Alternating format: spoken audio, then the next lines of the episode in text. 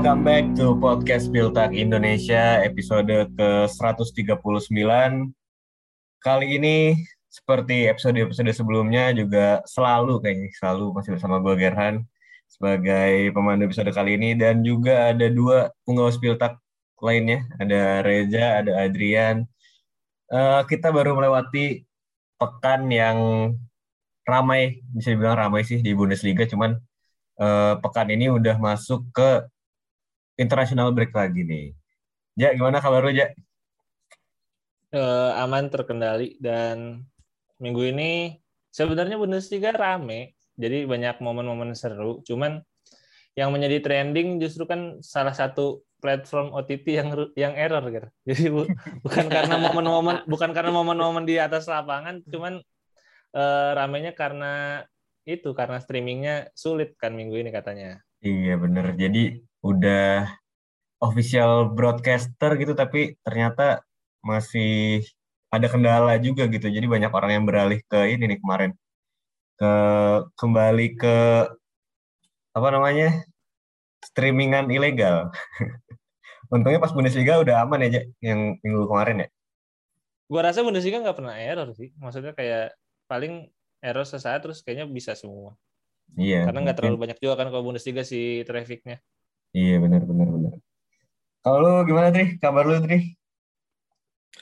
Uh, minggu kemarin kayaknya tim jagoan gue kalah semua ya, jadi tidak begitu baik Leger. Tapi gue nggak ngalamin tuh yang error-error yang tadi dibahas, gue lancar tuh nonton. Oh lancar. Berarti emang, emang orang-orang terpilih tuh bisa tuh. Apa jangan lu ini? Apa jangan lu buzzer? enggak enggak gue gue gue bukan buzzer gue gak dibayar siapa siapa tapi gue gak ngerasain error gitu. Makanya gue bingung gue ya iya. alhamdulillah. Nah, tapi lu ngerasain ini gak dari kan lu gak ngerasain error tapi lu ngerasain kesenggol nggak gagal unbeaten. Enggak enggak. Lo kan yang gagal unbeaten Freiburg sama Liverpool. Iya kalau iya. kalau kalau Dortmund udah kalah berapa kali tuh? Udah tiga. Hmm. Kalau yang masih unbeaten kan ada dua klub tuh di Italia saat ini ya kan. ya semoga bisa unbeaten dua-duanya lah keren nanti. Jadi iya, iya. Uh, emas emasnya berbagi dua. Piala emasnya dua ya. Benar-benar. Jadi ya itu karena kemarin sebenarnya cukup ramai Bundesliga, uh, tapi kita karena di pekan ini udah masuk ke international break. Jadi kita di segmen pertama mungkin bakal ngebahas uh, sedikit lah dari Bundesliga yang kemarin dan beberapa recent update nih yang udah menjelang uh, international break ini yang lagi rame dibahas di media sosial tuh apa aja gitu kan. Di segmen kedua kita bakal bahas apa nih, Jak? Karena segmen kedua kita bakal ngebahas tim dari kasta kedua juga, yaitu ada San Pauli yang saat ini sedang berada di peringkat pertama, udah lima pekan berturut-turut bisa mempertahankan posisinya sebagai pemuncak klasemen. Jadi kita bakal ngebahas kenapa mereka bisa mulai bangkit musim ini dan kenapa San Paulo ini walaupun tidak punya trofi tapi punya lebih banyak penggemar daripada klub-klub yang udah punya banyak trofi gitu, Ger. Iya benar itu kemarin sebenarnya heran sih gue dan uh, menjadi spotlight juga sih bagi San, San Paulo karena kemarin Bundesliga 2 tuh viral ininya, tabelnya karena angka cantik gitu. Nah, jadi itu nanti bakal kita bahas lebih banyak di segmen 2. Di segmen pertama ini kita bakal sedikit review dulu kali ya satu beberapa poin dari uh, pekan kemarin. Kayaknya tuh yang rame sih sebenarnya ada uh, Bokum tuh yang kemarin menang lawan Hoffenheim dengan dengan pertandingan terabsurd sih kalau menurut gue selama Bundesliga musim ini ya itu di pertandingan itu yang ngegolin ada namanya Soma Novotny pemain Hungaria. Dia pernah akademi Napoli. Terus dua musim lalu dia main di Korea Korean League 2 gitu divisi duanya. Cuman kemarin akhirnya golin di Bundesliga.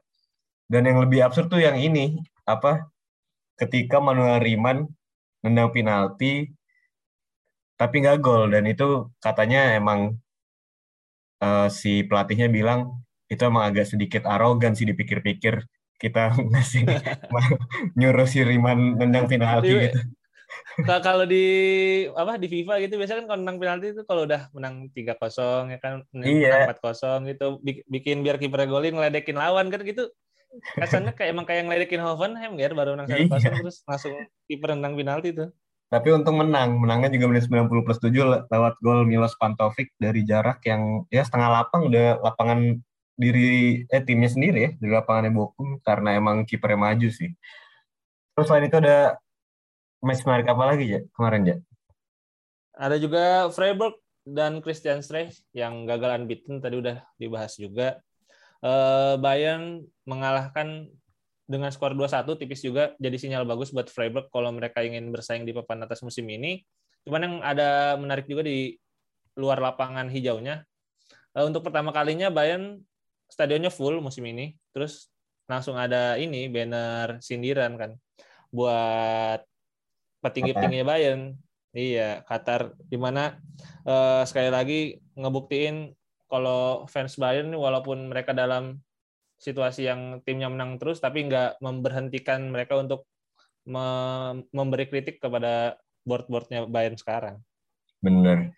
Dan satu lagi nih, kita juga belum bahas timnya Adrian nih. Dortmund kemarin kalah 2-1 lawan RB Leipzig, yang mana sebenarnya ya bisa dibilang masih expected lah ya, karena kan banyak cedera juga di Dortmund. Dan kemarin yang ramai itu sebenarnya di setelah pertandingan ya, karena ada sedikit kisruh antara Marco Rose dan Marco Reus. Jadi ini duo Marco nih, satu kapten, satu pelatih. Kemarin bilangnya si Royce tuh bilangnya kalau di pertandingan itu babak pertama Dortmund lebih kesulitan karena main dengan tiga back. Dia merasa kalau sebenarnya Dortmund lebih optimal kalau main dengan empat back. Kemudian ditanggepin sama Marco Rose kayaknya itu dari eh, ini deh kayak wartawan gitu kan biasanya nanya ke satu orang gitu Hmm. nanya ke selanjutnya lagi. Si Rose bilang nggak ada yang masalah dengan sistemnya gitu. Kita udah menang eh, banyak tiga poin dari dengan sistem ini jadi emang nggak ada yang salah gitu. Kalau Zorc sendiri bilang emang ya bukan salah pelatih juga gitu dan Marco Reus karena emang frustrasi aja gitu. Kalau menurut sendiri gimana Dri? Ngeliatnya apakah lo tim Marco Reus apa tim Marco Reus nih? Tim dengan tiga back atau tim dengan empat back? Eh, kalau lihat pertandingan kemarin sih sebenarnya apa yang dikatakan Marco Reus ya itu benar sih maksudnya karena udah kelihatan jelas kesulitan membangun serangan dan sekalinya Leipzig megang bola itu benar-benar bisa masuk ke jantung pertahanannya Dortmund gitu. Ya di mana memang ada problem badai cedera juga sih ya. Cuman eh, bukan berarti sistem eh, tiga back ini jelek sih Ger. Tapi menurut gue lebih ke arah bagaimana kondisi eh, Dortmund pada pertandingan kemarin udah pertandingan tandang lawannya RB Leipzig pula gitu Eh, sebenarnya gol udah sama kan udah sempat satu satu dan akhirnya gol ke eh, gol kemenangannya Leipzig itu kan Torgan Hazard gak gak aware lah sama posisinya dia dan gak nggak apa ya nggak ngelihat ada pemain lawan yang akhirnya bisa ngegolin gitu. Nah itu kan sebenarnya bisa kelihatan bahwa itu skema skema yang terlalu naif kayak gitu bisa bisa menghilangkan poin untuk Dortmund gitu. Padahal kalau menurut gue ketika skor udah satu sama dengan kondisi pemain yang serba banyak cedera bermain pragmatis dan mengamankan satu poin menurut gue benar-benar fine fine aja gitu. Daripada berusaha untuk selalu main all out justru bikin lengah lini belakang malah akhirnya nggak dapat poin sama sekali gitu. Jadi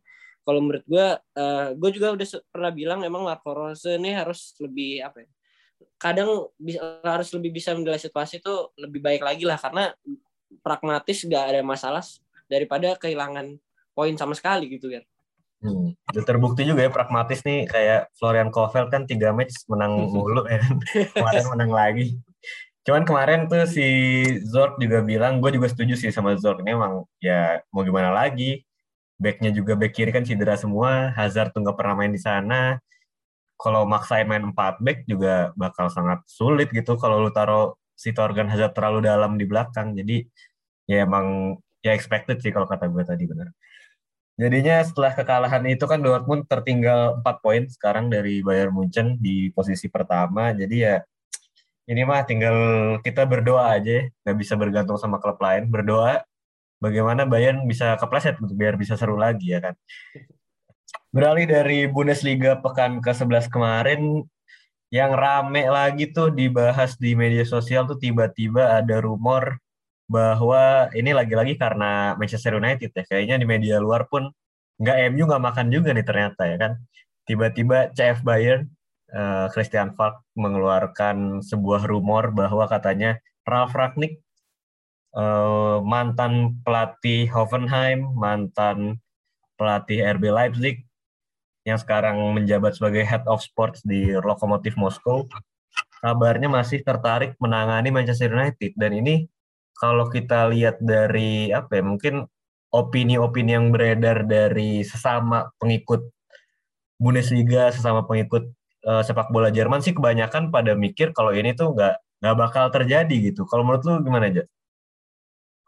Uh, kalau menurut gue sih pernyataan yang bilang kalau Ralf Ragnick ini tertarik untuk uh, melatih bukan melatih siapa gabung dengan Manchester United menurut gua mungkin benar gitu ada ada ada benarnya gitu karena ya siapa juga yang nggak mau untuk menangani tim sebesar MU gitu cuman apakah ini realistis menurut gua nggak realistis gitu kenapa karena seperti kita tahu kalau misalnya kemarin gue sempat baca di timeline gue lupa siapa yang nge Ralf Ragnick ini uh, cocoknya untuk tim startup gitu. Jadi tim-tim yang masih membangun identitas, tim-tim yang masih membangun arahnya pengen ke mana nih tim gitu. Jadi itu cocok buat Ralf Ragnick karena sudah terbukti di Hoffenheim dan juga di RB Leipzig.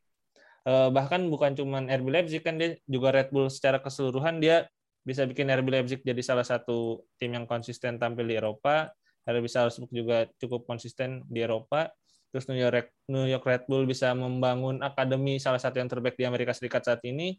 Bahkan RB Bragantino juga musim ini lolos ke final Copa Sudamericana. Fondasinya itu semuanya yang ngebikin si Ralf Ragnick jadi kalau untuk Manchester United tim yang udah besar gitu dengan fanbase besar dengan dana yang juga menurut gua banyak banget gitu eh, pasti egonya Ralf Ragnick ini bakalan ketekan gitu apalagi kan udah terbukti dengan eh, Ole David Moyes gitu nggak nggak nggak semuanya bisa berjalan beriringan dengan manajemen yang yang mana menurut gue itu nggak cocok banget buat Ralf Ragnick nanti masuk Ger. Iya benar-benar. Jadi emang gue juga setuju sih ini sebenarnya suatu hal yang nggak masuk akal kalau menurut gue karena Ralf Ragnick sendiri kan bilang kalau emang dia tuh sebenarnya udah nggak pengen lagi jadi pelatih gitu ya. Jadi kemungkinannya kalau mau ke MU pun harusnya sih menjabat sebagai dirtek gitu. Cuma kan gue gak yakin juga nih dirteknya MU kan kalau nggak salah sekarang masih Ed Woodward ya. Dan Ed Woodward ini kan ya bisa dibilang nggak nggak nggak se rigid si Ralf Ragnick gitu. Ralf Ragnick kan terkenal dengan orang yang nggak mau diintervensi. Dia juga orangnya detail banget gitu, mau ngurus segala hal yang dari A sampai Z. Sedangkan kalau ke MU pun yang lu bilang tadi itu banyak banget tekanan-tekanan dari lain gitu makanya yang tim yang pernah dia pelatih pun atau pernah didirtekin pun ya tim yang startup gitu bener kata lu kalau menurut lu gimana Dri apakah ini sekedar si Christian Falk cari cloud aja nih uh, itu ya ada kemungkinan juga. Dan gue ngeliat uh, berita bahwa memang Ed Woodward ini udah bahkan katanya udah ketemu sama Ralf Ragnick gitu. Cuman uh, para supporternya kayaknya nggak tahu ya ini Ragnik nih siapa ya lagi tiba-tiba datang tiba-tiba udah oleh yang bukan begitu nama besar di dunia pelatih dan mau datengin Ragnik jadi banyak terlalu banyak pro dan kontra sih. Ada yang pro bahwa dia ini benar-benar bisa membenerin suatu tim lah ibaratnya bisa bikin satu tim ini yang tadi jelek jadi bagus lagi gitu dan sebenarnya Ragnik ini kan itu tadi lah egonya besar suka uh, ngurusin dari hal yang perintilan sampai hal yang gede gitu. Nah, biasanya personality yang kayak gini nih bakal bakal sulit nih kalau ketemu uh, tim yang punya struktur hierarkis yang gede banget lah kayak di MU gitu dan apalagi oleh Solskjaer aja sekarang udah pressure udah gede banget untuk diminta untuk dipecat lah resign dan segala macamnya. Jadi uh, Ragnik menurut gue bukan pilihan yang tepat sih. Kalau untuk jadi pelatih ya tapi kalau untuk jabatan ya di klub jabatan eksekutif lain lah director of football atau apalah namanya itu menurut gue cocok banget gitu. Karena ya kayak tadi Reja udah bilang Red Bull secara keseluruhan aja memberikan ibaratnya seluruh uh, seluruh apa ya ibaratnya sumber daya yang Red Bull punya di sepak bola, yang di Austria, yang di Jerman, yang di Amerika untuk ditangani satu persatu oleh Ragnik dan akhirnya sekarang kita bisa lihat gitu kesuksesannya. Nah ini yang menurut gue klub sebesar Manchester United pasti membutuhkan sosok seperti ini gitu. Tapi kalau kita ngomongin kepelatihan ya, di RB Leipzig sempat tuh waktu Hasan Hutel cabut, terus uh, Nagelsmann baru masuk musim 2019-2020, Ragnik ya jadi pelatih yeah. Leipzig tahun 2018-2019 dan akhirnya finish di peringkat tiga gitu. Jadi sebenarnya dia juga punya bakat yang bagus banget untuk melatih gitu walaupun kalau gua nggak salah ini dia hanya pernah menangin di FB Pokal aja gitu sama Schalke sama di FL Super Cup. Jadi total trofinya tuh kalau nggak salah hanya dua gitu. Jadi uh, memang ini lebih cocok untuk uh, posisi yang bukan pelatih sih, Ger. Hmm. Kalaupun jadi ya. Hmm. Dan ngomongin soal hierarki tadi juga kan sempat tuh waktu pas dia dirumorin ke Milan sempat ada kabar juga kalau emang Maldini juga selek gitu kan sama Ragnik. Katanya kalau Ragnik masuk posisi Maldini pengen dicaplok gitu sama si Ragnik. Jadi Rak si Maldininya cabut gitu. Dan ini bertentangan lah sama mungkin fans Milan. Ada beberapa yang gak setuju juga karena emang legenda kan Maldini ini. Dan Maldininya sendiri juga kayaknya nggak setuju juga gitu. Cuman ya udahlah akhirnya nggak jadi karena waktu itu kan Pioli tiba-tiba lagi on form dan akhirnya Ragnik sekarang ke lokomotif gitu. Dan misalkan ke MU pun uh, untuk menjadi dirtek itu menurut gue masih sangat possible ya. Cuman uh, dalam artian uh, secara teknis masih possible karena kan dia di lokomotif juga dia hitungannya bisa dibilang dia kayak bikin football consulting dan dia bilang kalau emang dia membuka diri. Misalkan ada klub lain yang ingin meng-hire dia jadi dia menanganin lebih dari satu klub gitu. Cuman yang gak masuk akal tuh kemarin fans MU banyak yang bilang berharap udah kita sign Ragnik aja sampai akhir musim.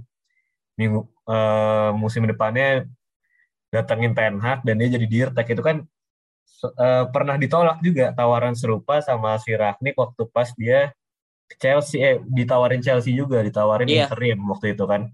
Tawarin interim terus dia nolak dan akhirnya dia menyarankan Thomas Tuchel gitu.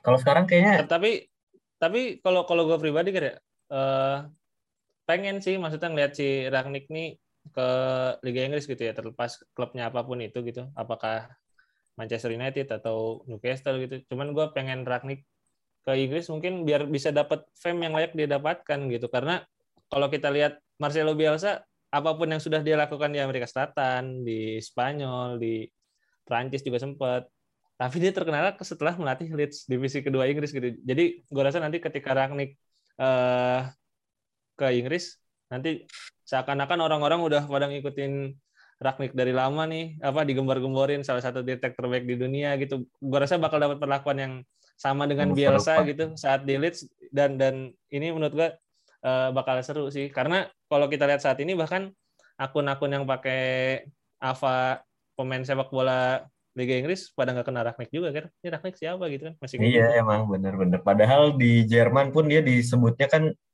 football professor gitu. Kalau lihat juga tadi tuh uh, postingannya siapa ruang taktik kelihatan situ gimana dia menelurkan pelatih-pelatih hebat juga tuh yang udah pernah di influence sama dia juga ada Thomas Tuchel, ada David Wagner juga ternyata pernah, Matthias Jaisel, bahkan di Bundesliga sekarang kan ada Marco Ros, ada Adi Hutter, pokoknya semua yang RB Salzburg sih itu pasti bimbingan dia gitu lah kebanyakan hmm. nih kan. Tapi selain dari uh, didikan Ralf Rangnick sebenarnya di Jerman juga nggak bakal kehilangan sih eh, pelatih-pelatih berbakat gitu ya yang uh, mulai muncul nih musim ini terutama adalah pelatihnya Saint Paulin yang sekarang peringkat satu di dua Bundesliga yaitu adalah Thomas Schultz ya. Dan Timo ini Schultz ya, Mas. Timo Schultz, sorry sorry. Timo Schultz. Dan ini sebenarnya agak membuka mata lah ini karena kemarin rame juga Bundesliga 2 tuh dibahas hmm. kenapa si Saint Pauli bisa peringkat pertama dan kenapa orang eh, orang-orang Indo tuh melek gitu pada Saint Pauli ya kan. Jadi kita bakal bahas lebih banyak lagi di segmen kedua.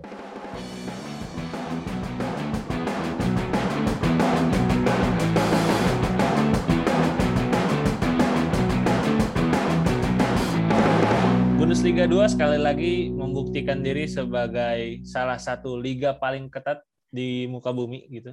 Setelah kemarin kita lihat klasemennya dari peringkat 1 sampai berapa tuh? 8, 7. Oh, sampai itu 10. beda cuman sampai 10 beda cuman satu poin, satu poin, satu poin. Kan ini eh, kayaknya nggak ada liga yang bisa menandingi keberuntungan itu gitu ya. Eh, cuman yang sebenarnya lebih menarik lagi adalah keberadaan San Pauli ini tim umat bisa dibilang gitu, di mana hampir di seluruh dunia banyak yang mengaku sebagai apa ya bilang ya eh, simpatisan gitu, sebagai simpatisan San Pauli.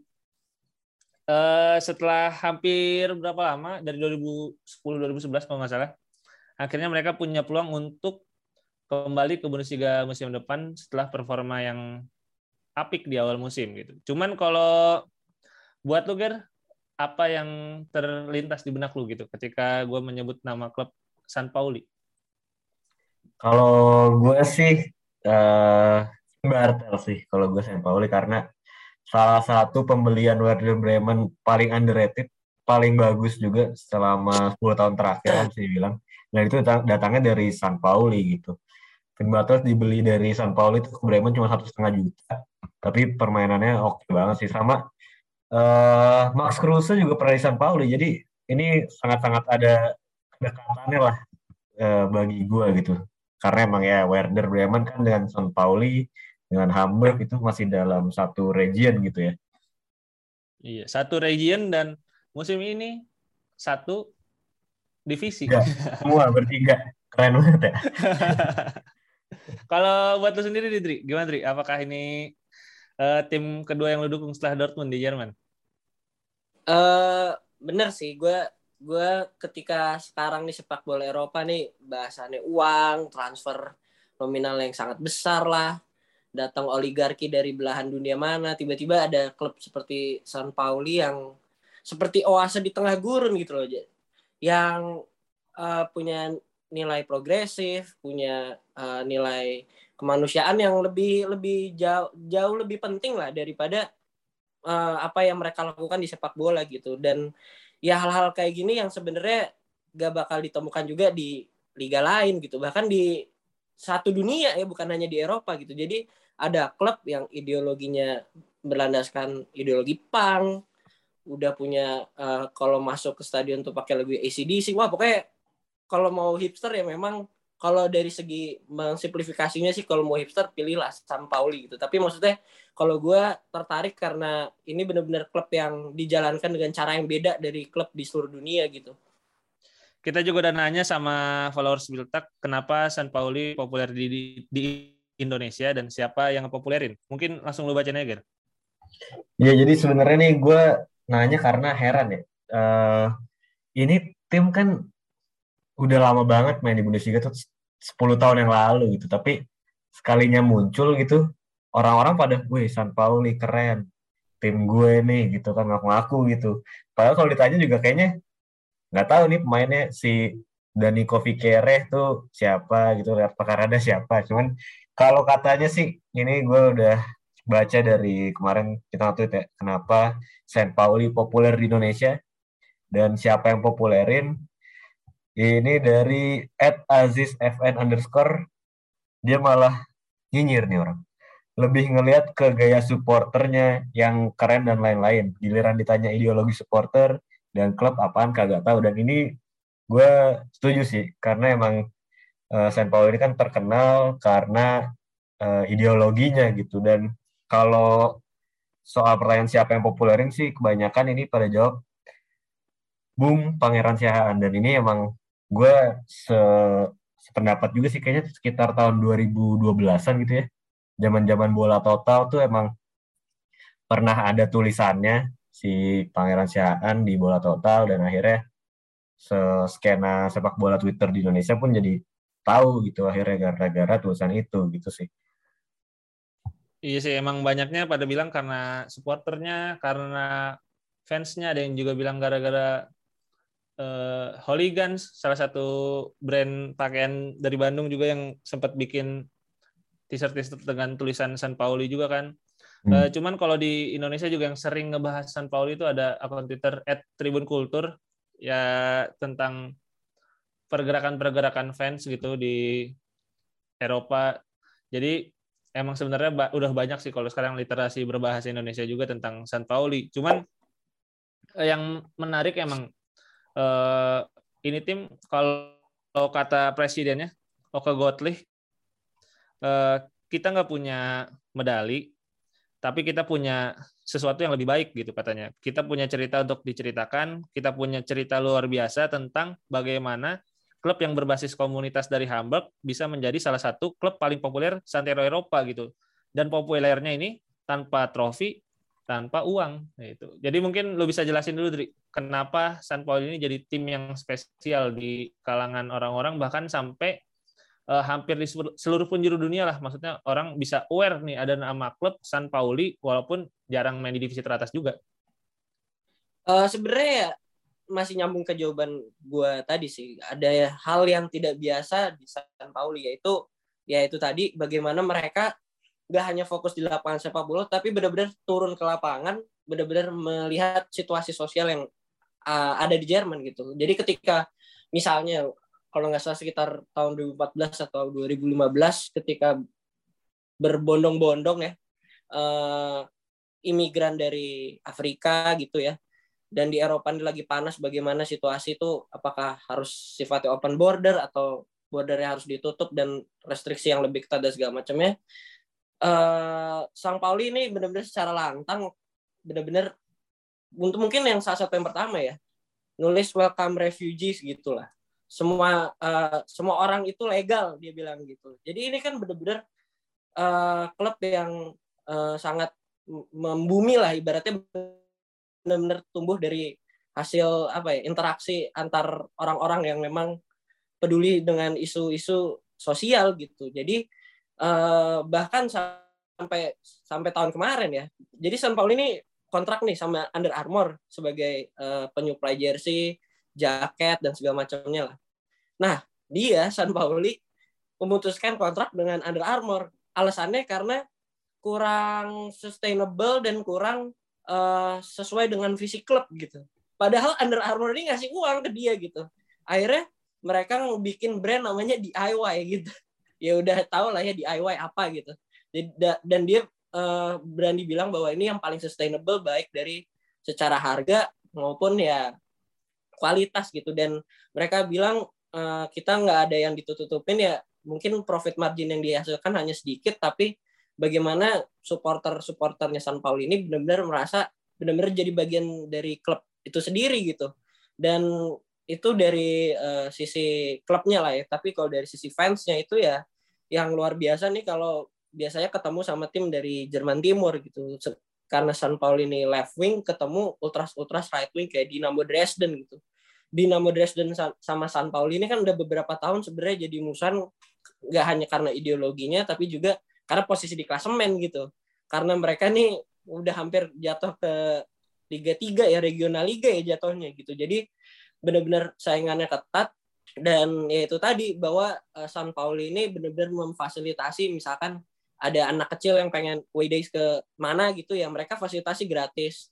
Terus selain itu juga untuk komunitas dia mengajak uh, playground apa uh, stadionnya itu sebagai ya ibaratnya melting pot dari segala bentuk kelas masyarakat gitu. Jadi ya benar-benar ini klub yang sekarangnya lagi dalam posisi di atas angin ya nomor satu di Bundesliga 2 tapi juga dia tidak melupakan hal-hal yang visi misi mereka nih hanya bukan hanya jargon gitu loh. Jadi benar-benar membumi merakyat dan benar-benar sepak bola itu dijadikan alat untuk memersatu antara kelompok-kelompok masyarakat gitu. Jadi makanya banyak uh, orang yang tertarik sama San Pauli ini dan ini ini gue juga baru baca uh, kalau emang si San Pauli itu pernah me, pada tahun 2015 2015 dia menawarkan seribu tiket gratis kepada imigran buat nonton di uh, stadionnya gitu. Jadi uh, emang segitu apa ya segitu terbukanya sama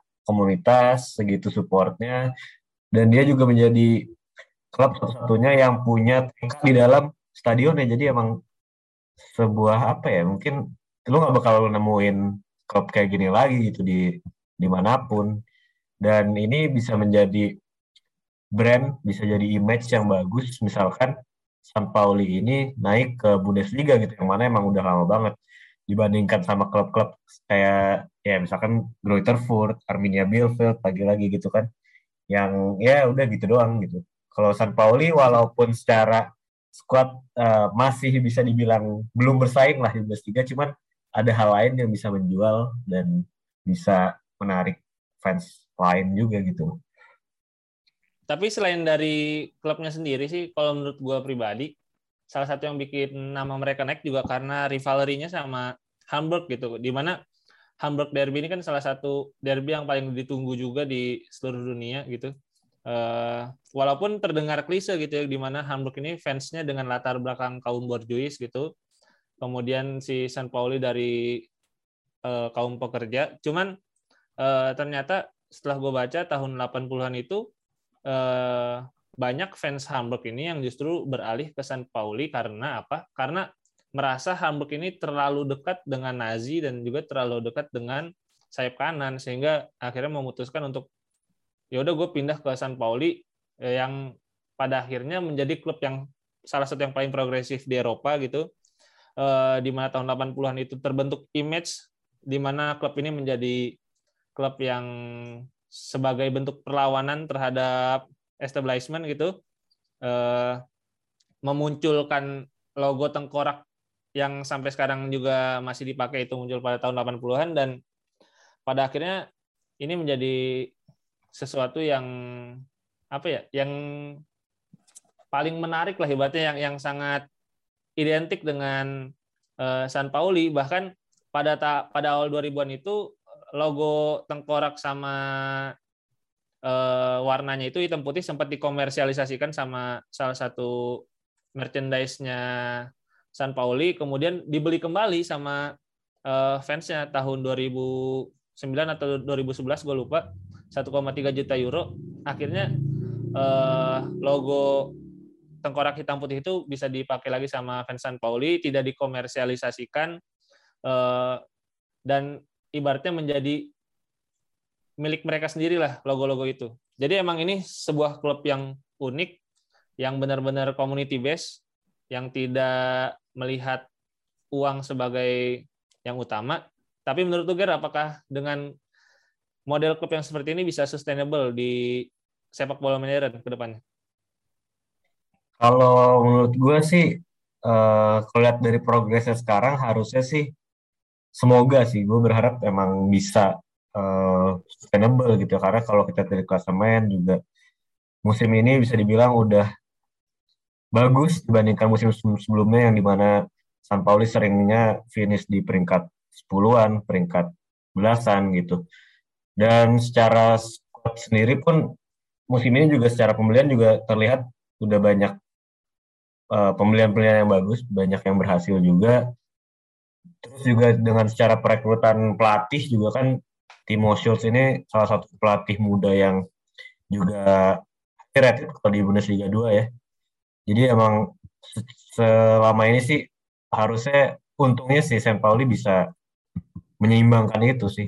Jadi gue berharap emang ya kayak Union Berlin lah. Jadi di mana ideologinya jalan, tapi juga secara pengelolaan klub bisa jalan juga gitu. Iya sih, emang ngeri juga sih sebenarnya ideologinya Sunpoil ini. Dan mereka bukan sekedar jargon ya kayak tim-tim yang lain.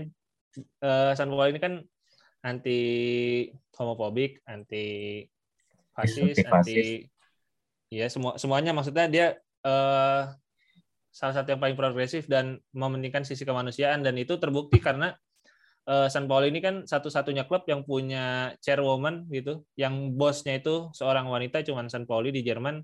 Dan juga emang faktanya musim ini ada 15 keluarga negaraan dari seluruh pemain San Pauli dan itu yang terbanyak di Zweite Bundesliga juga. Cuman kalau menurut Tudri, apakah dengan skuad yang sekarang gitu, skuad yang sangat diversity, 15 keluarga negaraan bisa membawa mereka ke Bundesliga musim depan? Kalau menurut gua bisa-bisa aja, cuman karena kunci dari promosi ke divisi teratas itu sebenarnya stabilitas sih. Jadi bagaimana sepanjang musim ini bisa memanfaatkan lah segala kemungkinan yang kayak Hamburg nih waktu musim berapa kan sebenarnya udah lama tuh di peringkat satu terus tiba-tiba di menjelang akhir Bundesliga 2 ngedrop. Nah, San Paulo ini harus menghindari yang sindrom-sindrom kayak gini gitu. Karena balik lagi sebenarnya dari dari kualitas tim kalau menurut gue sih untuk Bundesliga 2 masih oke okay sih. Tapi secara kualitas untuk jadi juara sebenarnya belum. Nah, makanya dia nih kayaknya overachieve sebenarnya. Nah, kalau untuk ke depannya sebenarnya bisa ya uh, ngelihat Union Berlin ya, yang begitu sukses, yang banyak free transfer, bagaimana mendevelop pemain, mengimplementasikan para pemain tersebut ke strategi yang gitu gitu sebenarnya bisa gitu tapi ya itu tadi butuh butuh apa ya ibaratnya scouting yang lebih baik lagi gitu nah ini yang gue masih belum lihat di San Pauli ya cuman kalau dari musim Guido Burgstaller tuh dibeli kapan tuh ya nah itu salah satu pembelian yang oke okay tuh sama Max Ditgen karena Burgstaller sekarang udah 10 gol, Max Ditgen kalau salah udah 4 atau 5 gol gitu. Jadi nah ini San Pauli sebenarnya udah ke arah yang benar ya. Cuman mungkin ke depannya di semua lini lah lebih diperkuat lagi untuk lebih lebih stabil untuk meraih promosi ke Bundesliga-nya. Buat sedikit gambaran ke pendengar kita nih yang gua rasa juga susah gitu kan nonton Bundesliga 2. Eh, San Pauli di bawah Timo Schultz ini main dengan formasi 4-3-1-2 atau 4-4-2 diamond gitu dengan strikernya Guido Burgstaller dan Max Ditgen, di belakang ada Daniel Kofi Kierre, tiga gelandang di belakangnya lagi itu ada Vin Ole Becker, Marcel Hartel atau yang gelandang bertahannya siapa kira? Hafiz Aremu.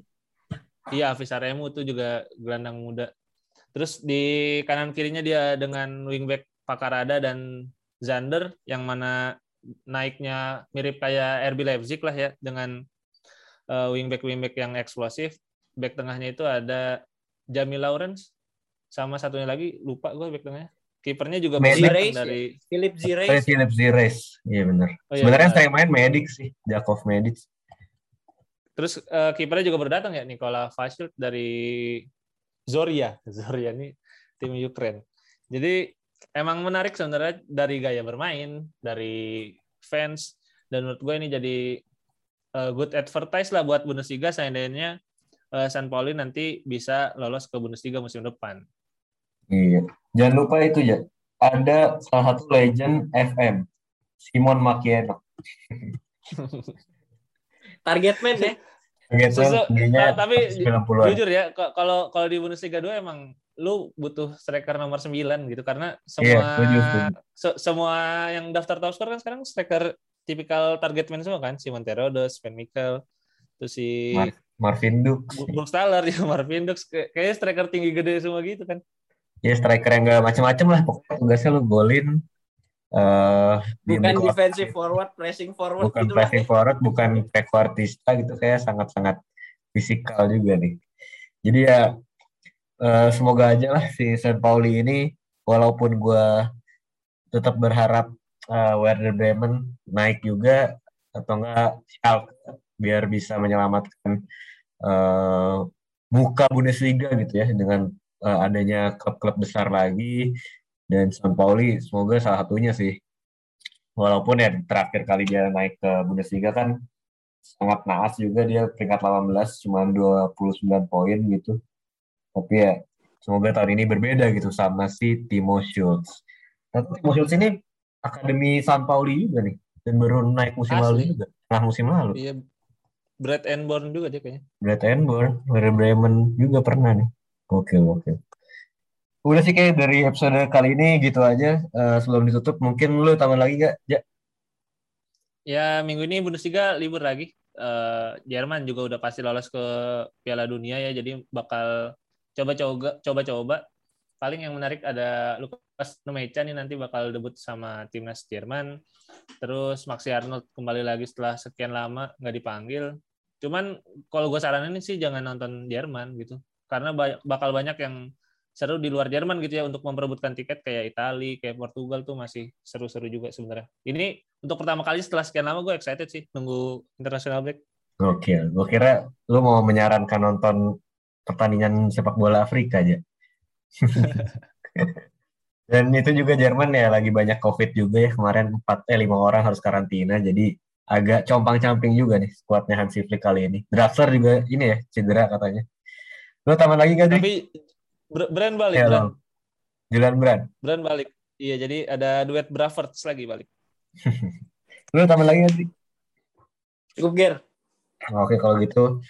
eh gitu aja di episode kali ini. Gue Gerhan pamit. Gua Reza pamit. Gue Adrian pamit. Sampai jumpa di episode Spill berikutnya. Bye.